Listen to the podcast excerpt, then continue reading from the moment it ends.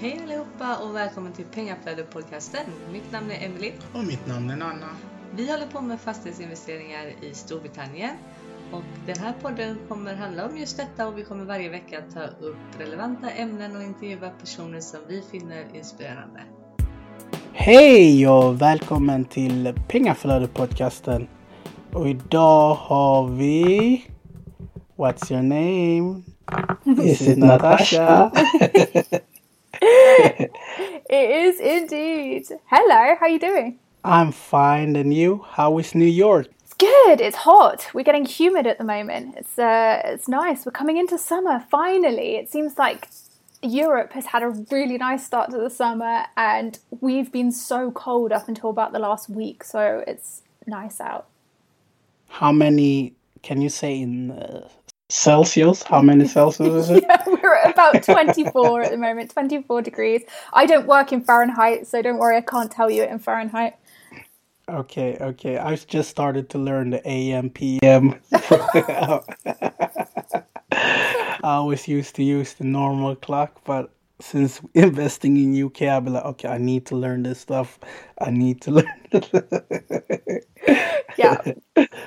So tell us about your background, Natasha, because you have a very interesting background. I used, I'm listening to your podcast. That's how I found you, and uh, I appreciate that you jumped on. No problem. So my background is that I started off my property career back when I was in my third year of university and I was a letting agent. And the reason I had to be a letting agent was actually because I had a lot of debt to pay off from being at university. So in my third year, I moved my classes around so that I could work for an, a letting agent four days a week.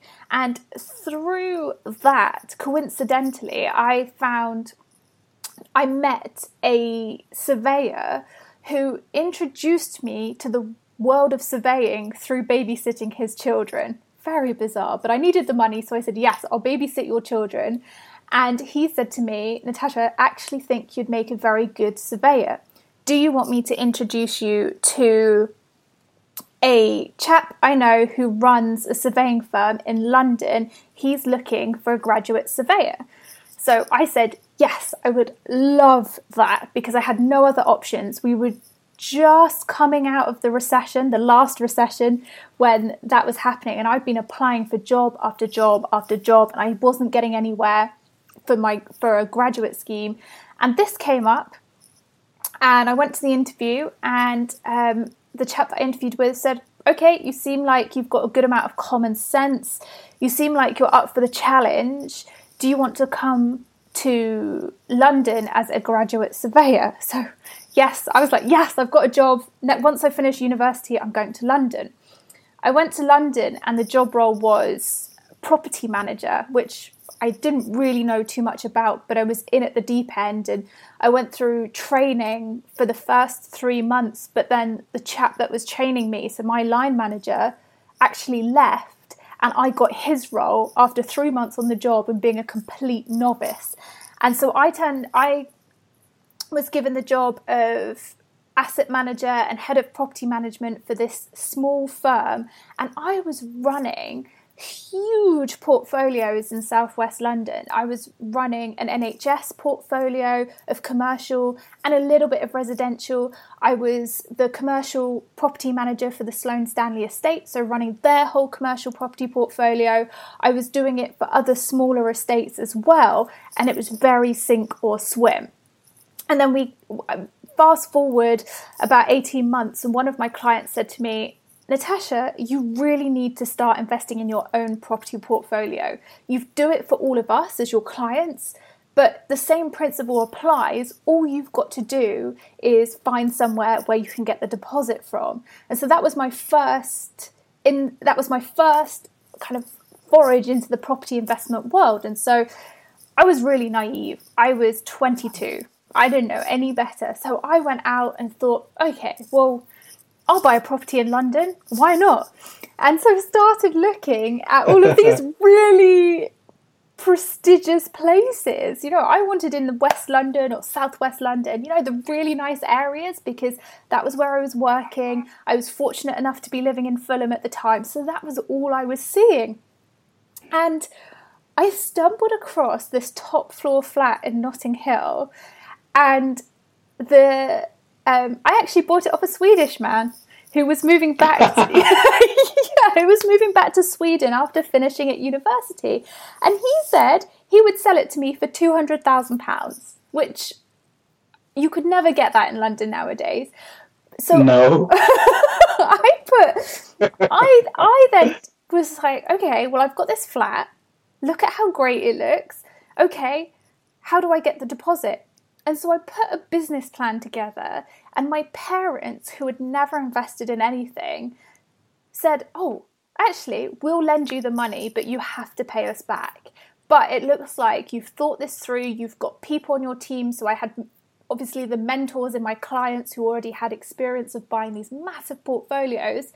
And I bought this top floor flat and rented it out. And that was my very first experience of becoming a property investor and that was that was me going in naively. I didn't really know anything about property investing. All I knew was how to manage property portfolios and help my clients achieve their goals through uh, strategies around leases, uh, maximizing asset value. So I did know how to be a property investor, but it was I was looking at it from two different points of view. So then I decided to go on and become a surveyor. So whilst I was working for this firm, I was doing my master's in the evening in surveying through the University College of Estate Management. And I was also studying to be a surveyor.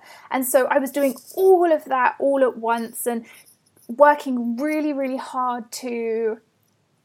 Um, I was working really, really hard to become a surveyor, a really great property professional. And two years later, I'd not really thought about what I w- whether I was going to expand my pro- property portfolio. I'd been 22 when I bought my first property. I was now at 24 and still living the high life in London, but studying, working full time. And my fixed term came to an end on the property that I bought in Notting Hill. And the revaluation was £320,000 and I took nine two years. two years. Wow. and so I took the money out of that property and repaid my parents. and that was when I realized, oh my gosh, you have to do this. This is this is what's going to be your kind of side hustle. So that was when I really started to fall in love with property investing.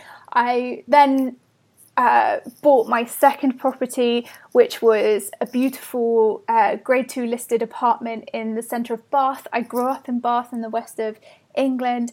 And then I started having to play around with all of these properties and, and really I caught the bug from it at that point around 2015 when I had when I had first invested in 2011 it was kind of wow that was a fluke. And then I thought no I can do this professionally.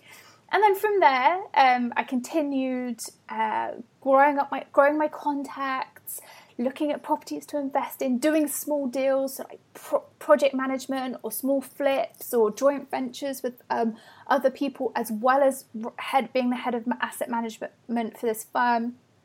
And then come 2016, I was like, no, I have to now go and start my own firm because what I've been doing was just absolutely you know, it was too much. I was doing so many things and I was experiencing burnout, and I thought, I'm going to do this for myself. And so that was when I opened up my, my firm of surveyors, NC Real Estate, which is the firm that I run now.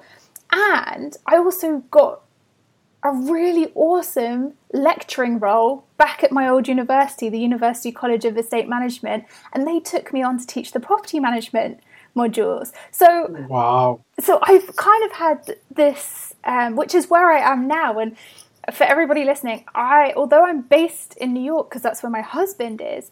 Everything I do is in the UK. So my investment properties, well, I've got a development in the US now, but my investment properties, my, I still teach remotely for the university in the UK, and my firm of surveyors is a UK based firm. I have just over the last 18 months moved that all online. So that is my background story to how I've got to where I am today. Wow. See, I just love the one when you you just flipped it from two years from years from 200 to 380 or what it was 320. like doing anything thing that was crazy N- Nothing. But that was the time when, after the recession, we went through a bit of a boom period. Up, unt- Yeah. up until from 2012 to about 2014, we went through a, a massive boom period because everybody was feeling confident in the market again, and I rode on that. Do you still have that property yet today Yes, I'm going to keep that. that's, that's kind of my trophy, my trophy property. Ju- just one question how much is it worth today then, oh no, see, it's dropped. It's only worth 340 at the moment. Okay Yeah, so it went through that boom. it will pick up again uh, I hope so, but it, it, it's fine. I don't need to remortgage that property again. That's not part of my strategy. That one makes quite a nice, healthy. For one bed, it makes a net profit of five hundred and sixty pounds a month. So it's it's perfectly fine. That's that's great. So tell me about your portfolio then. Okay, so my I have couple of different strategies. So, in my own personal property portfolio, I now have 3 properties and the the reason that I keep it at that size is mainly because it's in my own name and anything bigger now I'd get really taxed heavily on. So I went through a period over the last since moving to New York of looking at what really works and what doesn't and get rid getting rid of the properties that you know I don't need. That was that was kind of it. I'm not one of these people who believes that you have to hang on to a property if it doesn't work for you. So I have three. I have two in Bath and I have one in London. So those are the three that are in my own name. They bring in about two and a half thousand to three thousand pounds per month, right? And the, my the whole goal of that is to just pay down on those mortgages and keep hold of them because they're a nice little portfolio. I've got um, one more that I would buy, and that's if the property comes up because it would make a nice addition, and that's adjoining to the other two. So I've got a bit of a portfolio strategy around that. Um, and then, secondly, I then have the US development side, which I've only started uh, experimenting in in the last 12 months and currently working with my joint venture partner out here. We bought a um, multi-family house. So it's it was always a house that was split into two. We bought it through a foreclosure. We are we've just gutted the inside and we're putting two condos back into there but they're going to be really high grade condos. So we bought it for $565,000 sell out worst case scenario is 1.375 Wow. so that would be, you, your first project on in every country is like big, big. yeah. and then Wow. um, in the UK, and then in the UK, I do some investing with my mum, but that's through a separate company. I have a development firm that actually, up until the point that I moved to New York, we were doing developments and flipping them, and then selling them on. So we would, for example, um, buy a property that had three stories and put a fourth floor on the top and flip it and sell it on. Um, that was kind of that business strategy, but I've, I stopped doing that to kind of. I'm actually going to start doing that again, but that was another one of the strategies. And then on top of that, I do lend some money on other investors' projects at a certain interest rate. So I believe that for me at the moment, because I am still quite young, I don't need to be necessarily settling for a certain amount of properties and sitting on them. I quite enjoy seeing what comes up and jumping on the deal when I find it exciting. That's my investment strategy right now. Mm, interesting. it seems like you like uh, you like your job, and uh, you got the passive income, and then you have your firm, and Yeah. you have the one with the with lecture. Yep. You're you're in a really sweet spot. hmm hmm and I really enjoy it. And it's taken a long Yeah. time for me to get into this zone where I do enjoy it because you know I, I was having to pull. I still do pull long hours, but all the hours that I do now are on my time, not somebody else's, and that has been what I aimed to get to, and that's what I love about what's going on now. So I'm just excited by the opportunities that are presented to me, and I know full well if I wouldn't do something. Do you know? I know what's right, I know what's wrong, and I wouldn't touch it with a barge pole. This episode will be really good because you're a surveyor you you invest from abroad like we do the swedish listeners uh, so i thought we should ask you some questions that we should think about if that's all right with you natasha of course, let's do it.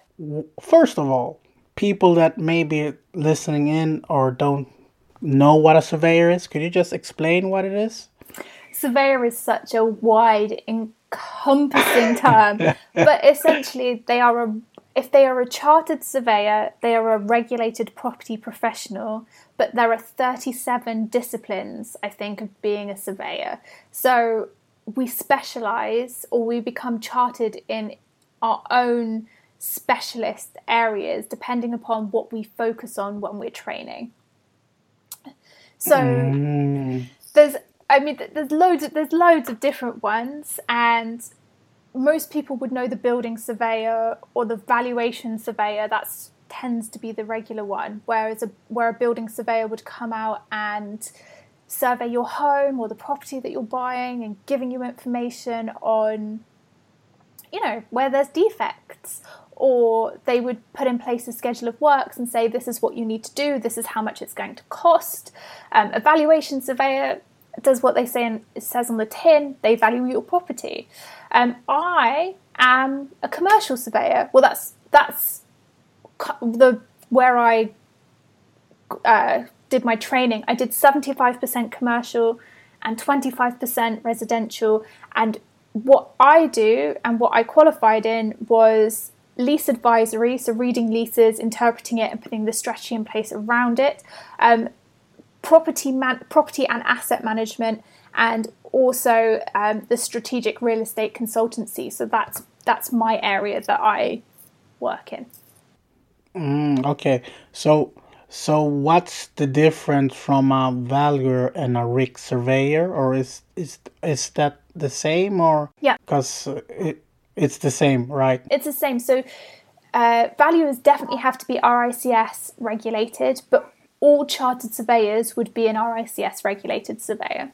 and to get that you need to have a license right Yes, so if you are going to be a valuer, you have to go through an additional qualification, which requires you to have a certain amount of time in practice um, doing valuations, and there's very stringent t- checks because obviously, being a valuer, there's a lot that you have to take into account to make sure that you're protecting your client's position because after all there's a huge difference between valuing something at £500,000 and valuing something at £600,000 because that has a complete um, a, a complete impact on your portfolio worth and what a bank will lend and what a valuer doesn't want to do is say that a property is worth x amount and then the banks go well actually it wasn't and then the banks sue them. So valuers have to be very skilled in placing values on property. Uh, a lot of uh, investors use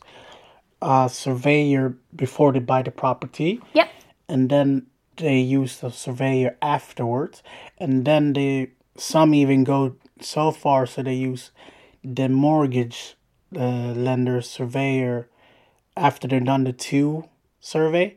What is the difference? Okay. Why can it sometimes be that the mortgage lender's surveyor maybe value it lower or higher and the surveyor that you appointed through your own value it maybe less or higher? Could you explain that maybe Of course, for yes, us? yeah, and and this is not a hard and fast rule because, of course, every property is in a different situation.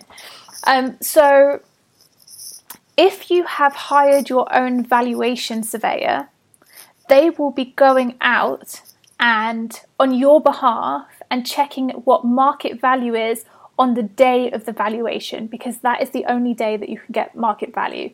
So, say today, 28th of May 2020, a valuation surveyor went out on my behalf and did a valuation as of today's date. That would just be looking at all the comparables, all the market knowledge that they had and just giving me a value based on that. Valuers who are valuing for banks sometimes look at this differently.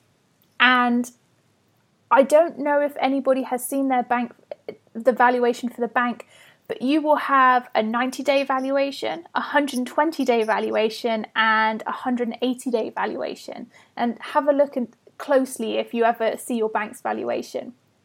And what this is, is this is saying how much would I get on the open market if the property was marketed for 90 days? And if I had to resell it in 90 days, what would the value of that be? Now, maybe I could actually wait 120 days. So, what would the value be if I could wait to sell the property in 120 days? And that would probably be the higher value. And then 180 days, well, that would probably be slightly higher value again because you'd be waiting for more market players.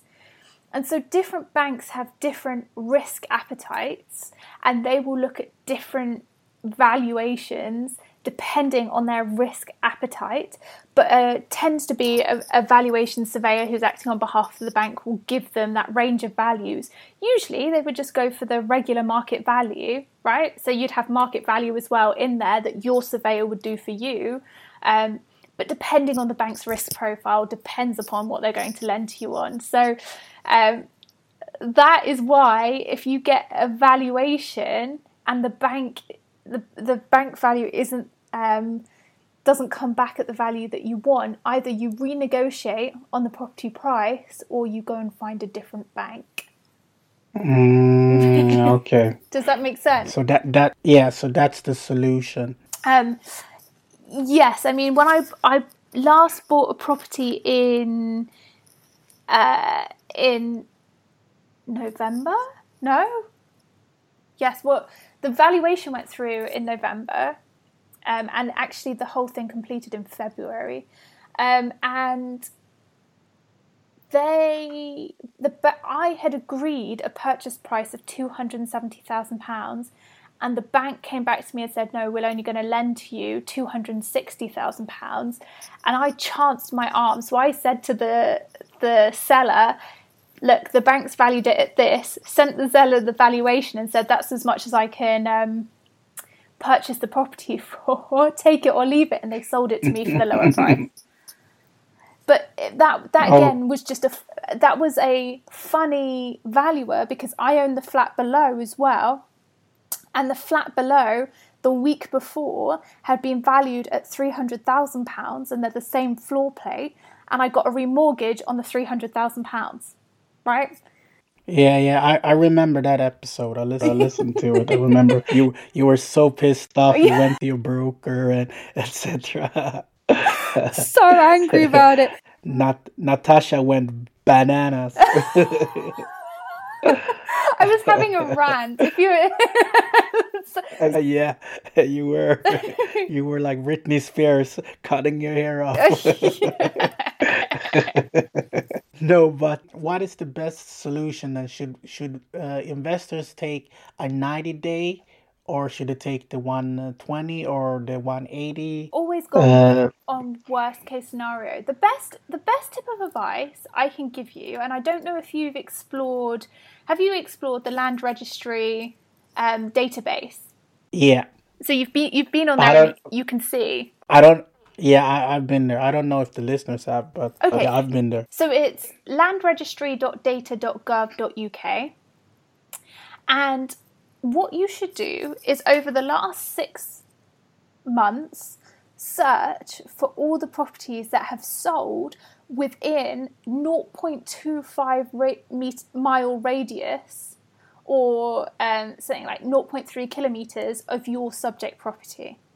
Then have a look at what the range of prices are and always assume that the banks are probably going to go worst case scenario. So say so we're in we're at the end of May. So I would look at all of the sold properties since the start of the year. And because we're in COVID, you might want to go back a, a little bit. So you might want to go back to the final 3 months of uh, 2019 and just have a look at the range of property prices.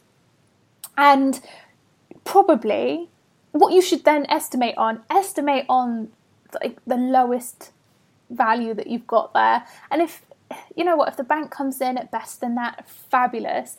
But if you can get your deal to work at that worst case scenario, then you probably know that you've got a deal. So let's say if, because uh, this was a really good point that you mentioned, let's say if there haven't been sold a property for maybe five years, three years, or 10 years, what do you go on then? Okay, so I would look at surrounding streets. So what I tend to do is I have Google Street View open in one tab, and I have um, the HM the HM Land Registry search open on the, the other tab, and then I have Rightmove opened in the th- in the third tab. And so what I do is I do Street View around, and you can you will be able to see if there's any agency boards outside or what's sold. Um, the other thing is that Rightmove do do sold price values, so you want to double check between Rightmove and what it says on um, Land Registry. And I mm. have a mm. look within that that radius, that that 0.25 mile radius. So it might not be the same street, but it might be around the corner. It might be a little bit further away. And I have a look at what what is going on. What are this? What are similar properties to the one that I'm looking to buy or my clients looking to buy? What what is the transactional value of those properties? And then I try and Google that property and see if there's any pictures of what it looked like when it was sold, just so that I can compare. And yes, okay, it's not an exact science. Any valuer who goes out will have far more knowledge about the area than you will, but it's a really good starting place to give yourself an indicator of what it look what the value is of that property really. Yeah, and when when you do the comparison, you then use let's say if it's a terrace house you you have bought, you look at terrace house, right? Yes. You don't you don't look at flats, um, no. semi detached, no. No, no. Okay. Look like for like. Yeah, I've heard this. I don't remember who said it, but it was someone who said that they called on a surveyor or valuer. The the valuer came, and the valuer wasn't even from the the area. They were like, maybe let's say if uh, you invest in Newcastle, and the valuer came from London, and they gave them a very low. Is that common that the valuer come from uh, a di- different cities, or no? It's not. But some of the companies that go out and value, like Countrywide, Connells, the big firms, they will have databases of comparable evidence which is far better than land registry because they're not just looking at sold prices they are looking at other, what what their lenders have valued based upon other other transactions right? So what other mortgages have been given. So they have access to all of this information. Um, and that database will be something that these big firms of surveyors have been putting together over months, years, weeks. So what what's then happening is they're just sending someone with a good pair of eyes to go and have a look around and then they slot it into what what properties does this look like now you may then unfortunately have chosen a bank which says we're going to lend based upon the 90 day value rather than market value. You know, that's that's completely out of the surveyor's control. That's not their that that's they've given all of the information possible to the bank. The bank then risk assesses it and they make a decision of what the value is and what they'll lend on it. So what things does a surveyor look for beside that? Condition, um, where it's located. Is it on what you know? Is it on a noisy street? Is it desirable area? Is it in school catchment zones? You know, they take everything into account. What's the market sentiment for the area? That's something that they really look at. You know, and also how well will this property let? And that's something that they do for for HMOs definitely. If you're buying a HMO, they don't necessarily value it based upon um, other market comparables. They just value based upon the value of other HMOs. So there's, you know, they they really take each individual property into account and they look at everything. Do they contact the letting agent for see what the rent goes, or do they have that already? Yep, they contact letting agents, other local agents, other valuers, other lenders, local solicitors. Yeah, they contact everybody. They will have a, a, a database of people because they don't want to get it wrong. Yeah. Can they lose their license if they get it wrong? Uh, no, so all surveyors have professional indem- indemnity insurance, and if they get it wrong, the banks will sue them, and then potentially they could lose their business because they've been sued a huge amount of money. So how how can we as a investor not get caught off on you know avoid low valuation what should we do beside that you said that you go on Rightmove and street uh, street uh, google street and quarter mile was it right Yeah. and comparing all of this what can we as an investor do Make sure that you're not overpaying on a property. You have to you have to negotiate a really really good deal on a property, and you should always be trying to negotiate a good deal on a property. Um, that's that's your job as the investor. You go into negotiation and you get the best possible price you can for that property. That's the only way that you are going to be able to make sure that the valuer agrees with your value with what you're paying. and can you give some tips on how to always get a high valuation then Oh, like so, the one that you got in in nothing oh my gosh, that's that. But that's just that's just the market. The market moved. The market really exploded. Um, so that was investing at the right time. Um, yeah i know so you have to everything that you do is in the purchase price so you have to be buying at a good price and a good price is looking at say I've looked and I see that comparables have sold like the highest sold sale value is £125,000. Well, I know that if I've negotiated at £105,000, that's a great deal. You know, so so you've you've got to be looking at the extent of the market and always trying to be negotiating at the lower end of the market.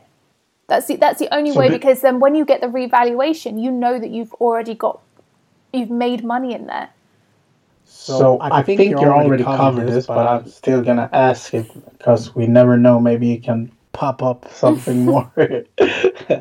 so what comparables do surveyor use? So recent sold values, they also look at any uh, remortgages and those those valuations. That is um, mainly if you're just buying simple buy to lets. You know, you buy it, you put one family in there.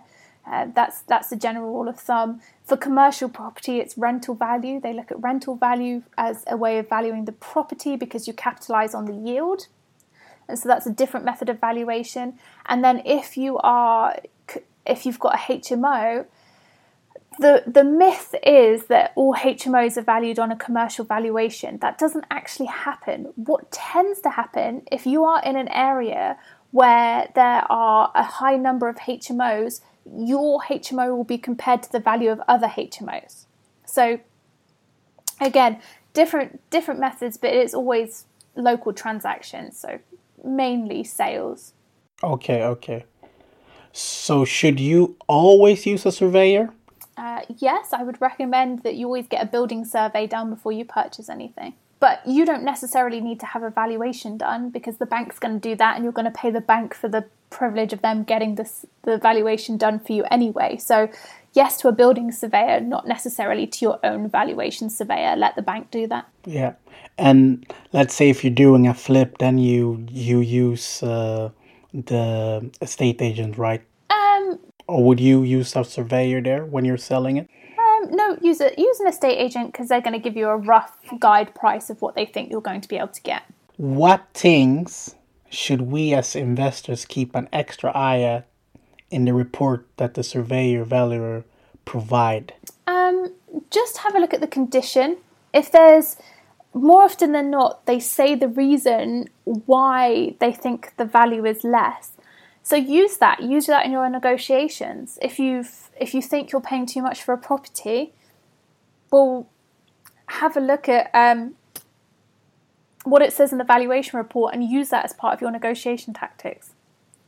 And it might say, mm. you know, low ceiling height or this isn't fire safe or whatever it is, but just use that as part of your negotiation tactics to negotiate a discount. Where do you add value as a investor in a property? Where do you get most value? Ooh, from adding adding value to it. Um, mm. So usually just by making it look modern, clean, tidy, like very um, very almost Instagram worthy, but not as much decoration. Do you know what I mean? That that's normally how you can um, improve the value if if it's worth improving the value. I think the myth is yeah. that you can do that to every property and you can get huge amounts of increase in value. It's not necessarily correct. So just make sure that you're looking at the difference between how much it costs to do that versus actually how much the increase in price is. Because if you're not going to get the increase in value out of the property, don't spend the money. You know, do, you can do something a lot cheaper and still make it look really nice. Um, for commercial property, the increase in value comes from increasing the rent and getting a better quality tenant. So that those are very mm-hmm. two very different things. So the lease and how you structure the lease for commercial is what brings the value. For residential, it's having a really, you know, a really nice looking property. And yeah, if you, it's, here's the thing if you can add to the property, if you can add on the side or you can go up a level and that's going to be cheaper than the increase in value, do it. But if it's not going to add anything, then there's no point in doing it. You might as well just sit and wait for the market. Okay, so there's no specific areas you should focus on? Like some say uh, the kitchen uh, and the bathroom. That's where you make your money. If you have a nice kitchen and if you have a nice bathroom but everything else is like yeah they don't care. Is that true or is it not well, true. I would i would always provide my my tenants with a nice kitchen nice bathroom. That's kind of a given. Um, but you don't need to spend over the odds on it because yeah. it's not worth it. I mean, you could do a nice kitchen for three thousand pounds. You could do a nice bathroom for two thousand pounds. You spent five thousand pounds. Well, the five thousand pounds was worth spending because you get a tenant in quicker. Yeah, I was just thinking more like, let's say if uh, you have uh, like gold taps on, on, on the bath, and then uh, regular if the value will like oh okay because it's gold and it's you know it's a bath or it's a shower you get more or they don't mind no, or no, they no, don't mind. no no. It doesn't get taken into account. So don't be putting gold taps in your bathrooms.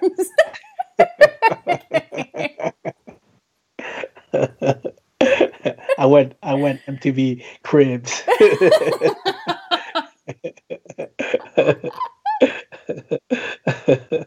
so uh, there's been a lot of virtual viewings. What's your take on it? Uh, virtual viewings are great. Here's here's how you should use them. This is my tactics. This is my tactics with my clients. Do the virtual viewing. If you like the property, put in an offer.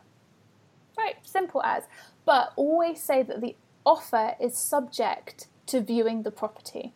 Because what tends to happen is you then go and view the property and the viewing has accidentally covered up that the ceiling's not coming down or has you know it's it's omitted to show you the whole truth. So but this the, the, the beauty of this is that you do the virtual viewing and say the property is on the market for £200,000 but I have done my deal analysis and I think that £170,000 is the maximum that I will pay for it I then say to mm-hmm. the agent, I will pay you £170,000 for this property, subject to me viewing the property and everything being okay.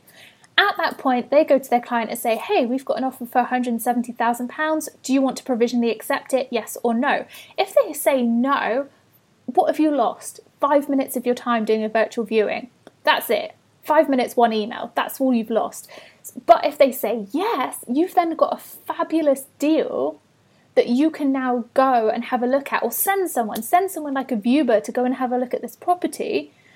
Actually, take all the pictures that you need because you've employed someone to work on your behalf, so they're going to go and have a look at everything. You can even send in a building surveyor if you want to spend a little bit of money on it. And then, based upon yeah. that, you either think, oh gosh, I've got a freaking good offer here, I've got a good deal, I'm going to go forward with it, or you think, no, actually, I need to renegotiate on the price.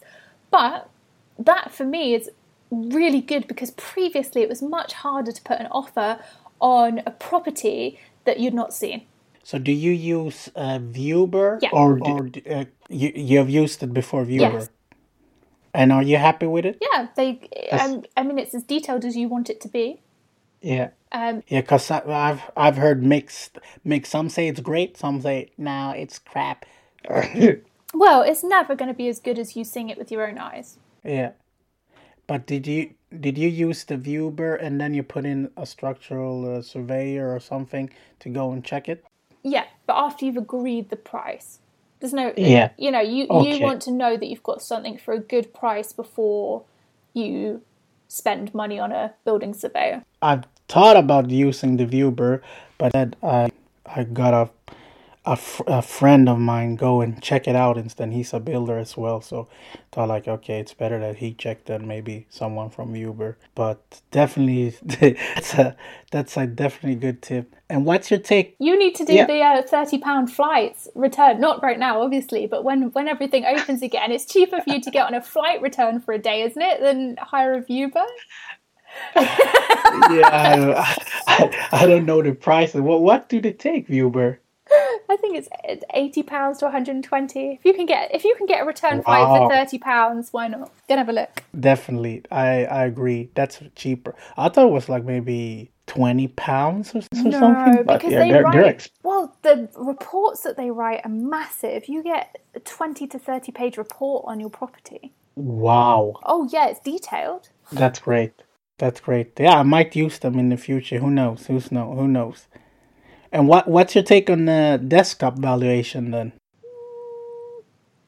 Well, if they have all if they have all the comparable evidence, then fine.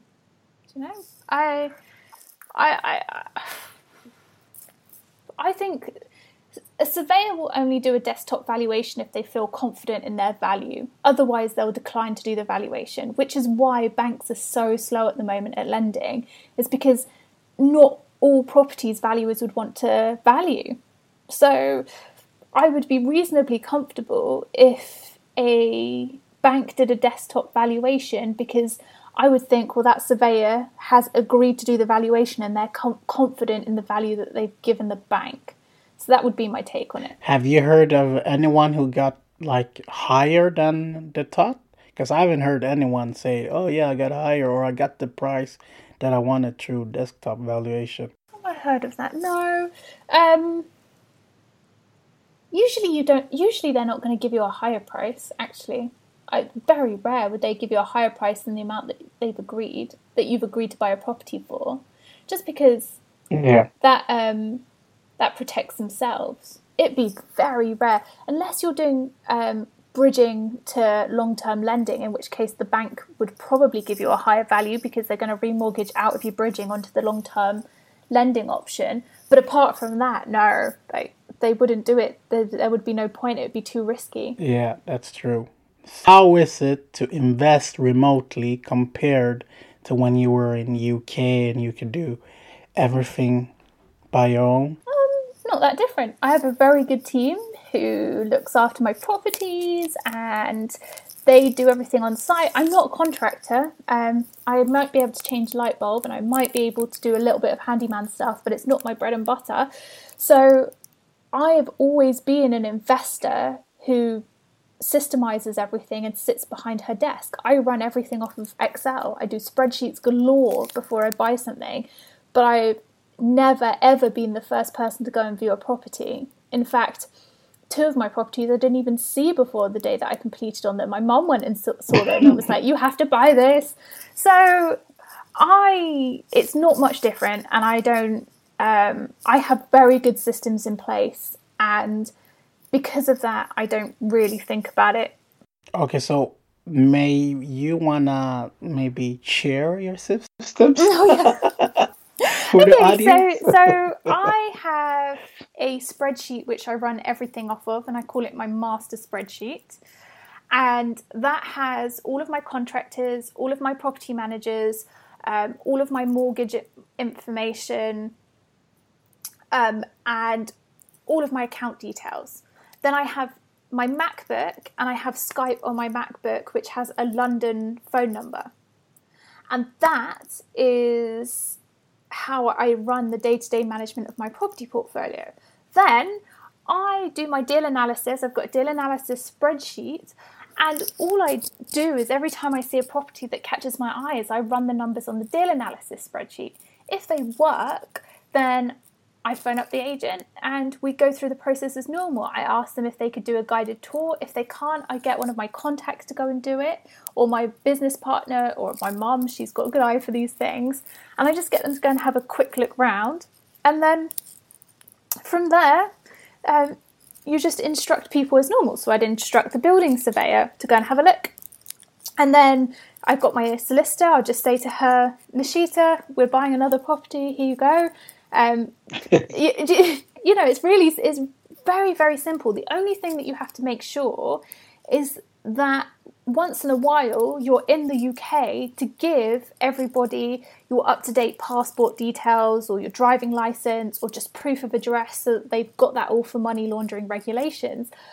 But apart from that, short of seeing the property, everything else you would run like a regular purchase. So when you mean guided tour, do you mean uh, that the person that you send they will go and check it, or do you mean that uh, the estate agent will do and film the apartment? Uh, Sometimes or... they will, and sometimes I will get someone to go out and look at it on my behalf. Okay, okay. So it's about having a good team around you, people that you know that are going to go out and do the right.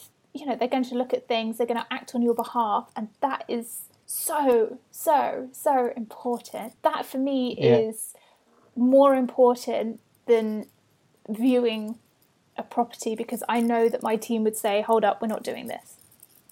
You know, yeah. it's too, it's too difficult. And once it goes, once we've got the building survey and it goes through legals, at that point, that's going to flag to me if this is going to be a difficult property. I really hope that you have all of these spreadsheets on uh, they're cloud based. they are. Everything I do is everything I do is is cloud based. Um, if you want my master spreadsheet, you're more than welcome to go and pick that up from my.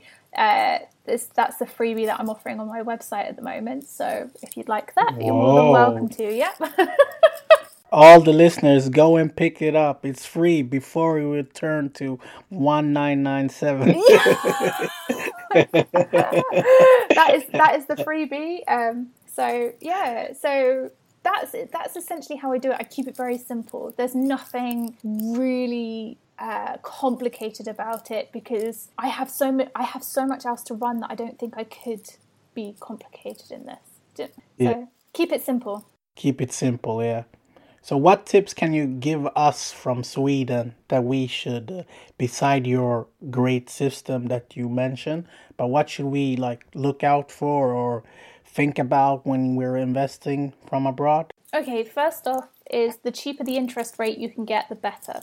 So, uh, for you guys who are investing who aren't uh, British residents, your very first point of call is finding a lender if you if you need a lender if you're buying cash then fabulous but if you do need a lender that for me is the first thing that you would need to do to make sure that you're getting low interest rates and really as an overseas investor you'll get you I would hope that you'd be looking at around 5%. Um, yeah. And that could be worse than that. I don't know what your experience is of interest rates between five and seven, and if the property is valued more than hundred thousand, you can get rates around uh, three point four five.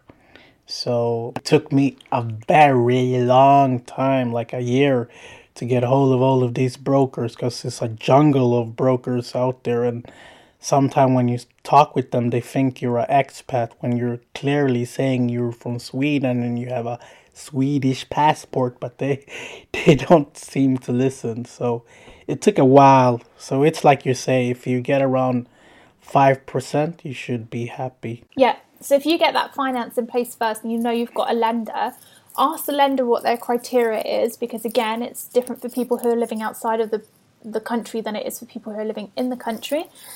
And then set your goals. What are you looking for? That's so important because otherwise you get overwhelmed with a barrage of people just sending you deals and this, that, and the other, and you don't need it. You don't need it. You need to say, look, I would like to buy a property for £150,000. That property has to be bringing in at least £750 to £850 per calendar month. That is that. And then they can find you those properties or you can look out for those properties. And then once you've found a property that that works for or you could negotiate on. Always look at you know what what price would be the ideal price the best case price and what is the worst case price. Start your negotiation at, at best best case price and then just see what happens. And then from there you agree an offer fantastic. Get your building surveyor out put it into solicitor's hands that is really where I would start for anybody investing from Sweden. Finance first, make sure you've got those people on your team, and then set your goals and look at property based upon that. Great tips, really great tips. So I think we've come to the fun part. this this part I love. I love it because every guest that I have, they always vary to what they like. So tell me your favorite TV series or Netflix or whatever HBO series that you look at? Okay, so I have just finished watching White Lines on Netflix and I was gripped. And it was it's only And what's it about? It's uh, about a woman who um, whose brother died in Ibiza and she goes back to try and find him and I I was ah. really gripped with it. I just I spent the last weekend just watching all ten episodes. So that's the most recent thing that I've watched on Netflix. Yeah, I, have I've seen it, and I'm like, oh, maybe can I look at it? Uh, I I looked at the this uh, Michael Jordan, The Last Dance. That was so epic. You need to see it if you haven't seen it. I'm going to. Oh, I that's on my to watch list. and what about film? movie? Film. What do I? What have I watched? So this is uh, this is kind of this is more of a documentary, but I loved Michelle Obama's Becoming. Yeah, people say that one is great. Is is it good? Fantastic. And if you've read the book, it's different to the book. No, I haven't. What's the difference then? Uh, well, one is more about her backstory, and one is very much about, um, you know, what she does today and all of the the lovely work and charity work that she does. She's so inspiring. I loved it. I loved it. If you've got an hour and a half to watch Becoming, do watch it. So is she like the new uh, Lady Diana? Yes. Seems seems like it. My mom, she cried so much when she was she's not even your queen. No, but you were so fantastic. oh, okay, yeah. I was small, so I don't know. So I was young. yeah, I don't remember that very well. and what about book then? Um, I am. I've just read a book called The Source by Tara Swart, which I really enjoyed. It's it's about how you manifest your life and different mindset around that. Um, I'm currently reading. Is it called something about millionaire mindset by Harv T. Eker? Mm, yeah, Millionaire Minds. Is that is that your favorite book? Which which is your favorite book? Oh no, actually, one of one of the, my favorite books is Everything Is Figure Outable by Marie Forleo. Mm-hmm. What's that about? So, it's it's about how to how to figure stuff out in your life when you're feeling stuck. How to move forward, what to do next, and it starts with the really small steps. And I keep that book just above my desk so that I can always see it. Whenever I'm feeling stuck or like I don't know what to do, I have a quick flick through everything is figure outable and start at a new chapter. And i get so many ideas about what to do next. How can i make that next step? How can i not be afraid of making that next step? And it's incredibly helpful. Wow, I need to cop that book then. it's great. Oh, it's been great speaking with you. um it's been this has been a fantastic podcast i mean how are you how are you guys finding it in sweden how do you find it when you look at the uk property market at the moment Uh, at the moment, so we have bid on two properties, but uh, this was quite funny. The, the vendor said like, if you're gonna give me silly offers, don't mind. And it wasn't silly offer because the the property he put it out for 120 and on that street done up pre-corona is 120 and his uh, house is like destroyed. It's old and the kitchen is crap. You need to have a new bath everything. It's it's so bad i hope he doesn't listen now but but it's, yeah and he still wanted to have uh, market value what he said and i was like okay let's send the builder there. He can go on a viewing. He went on a viewing, and then he came back with the with the quote. And then I told him, I cannot give you more than uh, sixty-seven. and, he was, and he was like, "No, I want at least one ten. And I was like, "Okay, good luck then." And then I asked him if if, if he owned the property own right or if it was on a, and then he said it was own right because it was his dad pro, uh, uh, property before before because before he died, so he just want to maximize the amount from the house. fine well Yeah. leave it Yeah, yeah, that's what I, my missus was like. Just leave it, leave him alone. He will, he will, he will either either come around, or he will uh, lower his bid. Maybe he will get it sold for eighty thousand, but one twenty, never. No, no. Well, you never know what's going to happen in the next coming months. He might desperately need that sixty-seven thousand pounds, and then he gets back in contact with you. Yeah, and how do you, how are you uh, feeling this everything that's going on right now? Um, I think Are you purchasing or are you holding back or do you have anything in the pipeline? I must admit one of my biggest things that I've done since COVID was uh, fight fires for my clients and make sure that everybody had all of their property portfolio let, and that's been what I've been focusing on. Now, I um, I'll tell you this, but don't go after the properties that I'm looking at, Nana. I see you. Um, there, was there was an auction today. There's an auction today, and I don't know about you, but I um, go back through auction catalogues, and anything that's not sold, I try and put lowball offers on and just see what happens. Ah, you cheeky. Yeah. so there was an auction today on Allsops, so that's what I was going to do. I haven't had time to do that prior to um, COVID starting. So Mm, that's that's kind of I'm I'm starting to look again. I would actually like to invest in some mixed use because I know that my development partner in the UK has been chomping at the bit to buy commercial ground residential uppers and I I really would like to do that too. I've just I up until today have just been so consumed by helping everybody else get their property portfolios fully let and thank goodness touch wood mine's been let and I've I've been perfectly like okay with it.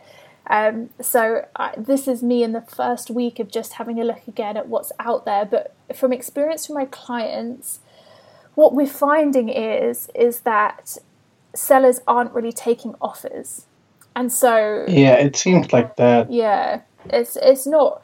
I think the market will get softer over the next couple of months, but right now it's a pain to get discounted offers. Yeah, that's what I feel as well. But can you think? Do you think it's because of the, the all the grants that the Yeah. governments are giving uh, left and right? Yeah. That's why people are like, nah, I'm gonna chill. Yeah, yeah. I I have money in my bank. I don't need yours. Yeah, exactly. so we'll see. We'll see. But anyway, I I am going to now start looking again. So Yeah, watch yeah. watch this space. You can all everybody can follow my lead on the auction house and be outbidding each other after auction. I hope not. I hope not.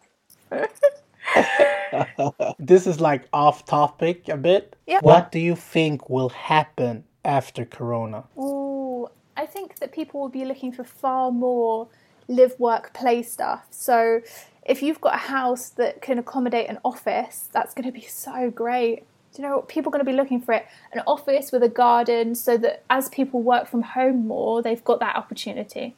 I think that's how things Yeah. are going to change. I always ask people that what their uh, opinion is about it, and it's always mixed. Some say like like you say, some say back to normal, and some say something else. It's always interesting to ask that question. I think things will change. The commercial property market's definitely got to change.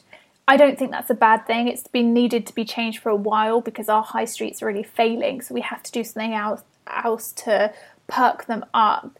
I think property wise, the one thing that, that obviously will keep the market strong right now is the fact that interest rates are so low. So at the first time buyer end of the market, if if you're a first time buyer in the UK right now, you don't have to pay stamp duty. You can get dirt cheap interest rates. You can borrow 90%, and you're now looking to, for a home that's probably further outside the city if you're if you work in an office job so that you can have that office. So that's going to bring the bottom end of the market up for sure. That's going to increase those price rises because the barriers to entry for first time buyers are so low right now. So, do you really think people should maybe start doing flips then? no. If you're like saying like, the, the problem with flips is that you can't right now estimate what the end value What is going to be. Yeah, that's the only Yeah. risk available for that. I mean, sure, if you can, if there's a property at ninety thousand pounds and you're buying it for fifty thousand pounds, then I guess give it a punt. That's not me giving a valuation advice. That's like, okay, we'll take a risk. but if I, I I personally am not going to be doing that right now because um, it's very difficult to get some of the things that you need for construction at the moment. So you do, and also uh, the health and safety for construction sites in the UK is going to change. So even on your developments, if you've got a contractor in there, they have to be running at fifty percent occupancy, uh, fifteen percent. Sorry, fifty percent of, of uh, people are allowed to be on site. So that means that your project is going to take twice as long, which would probably impact upon your profits. So I don't know whether right now I'm going to really want to do that. So definitely. that that as that flattens out and we see that as our our normal, I'm sure it'll be easier. But right now, it's not really something that I would look at as as as favourably as potentially just buying to hold and just letting it out. Yeah, that's a good point. So you hear, listeners. Yeah, we just need just need to be aware of the fact that okay, fine, you've got a deal, but does that deal still stack up if instead of turning something around in three months, it now is going to take six to nine months? Does it work? I guess you, Yeah. you will know if you've done your deal analysis. That's true.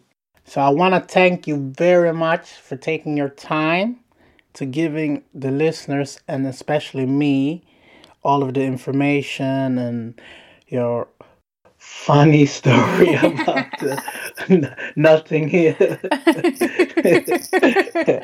Here's some listeners. You should listen definitely to NC.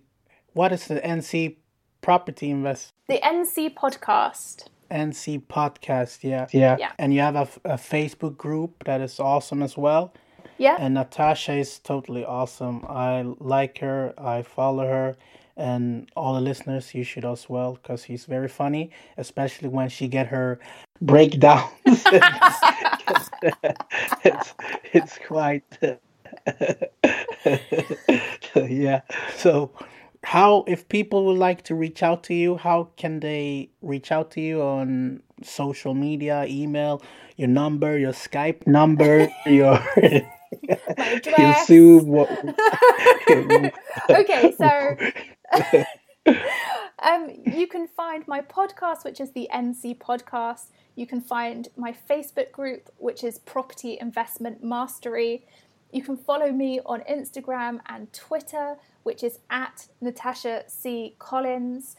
You can email me if you'd like to, natasha at ncrealestate.co.uk. And for all of that information, head on over to ncrealestate.co.uk, which when you go to that website, a pop up will pop up and you can have the master spreadsheet that I was talking about earlier. I'm gonna cop it. go get it, go get it. okay, then. Thank you very much, and don't be stressed. Invest, people. Bye. Bye.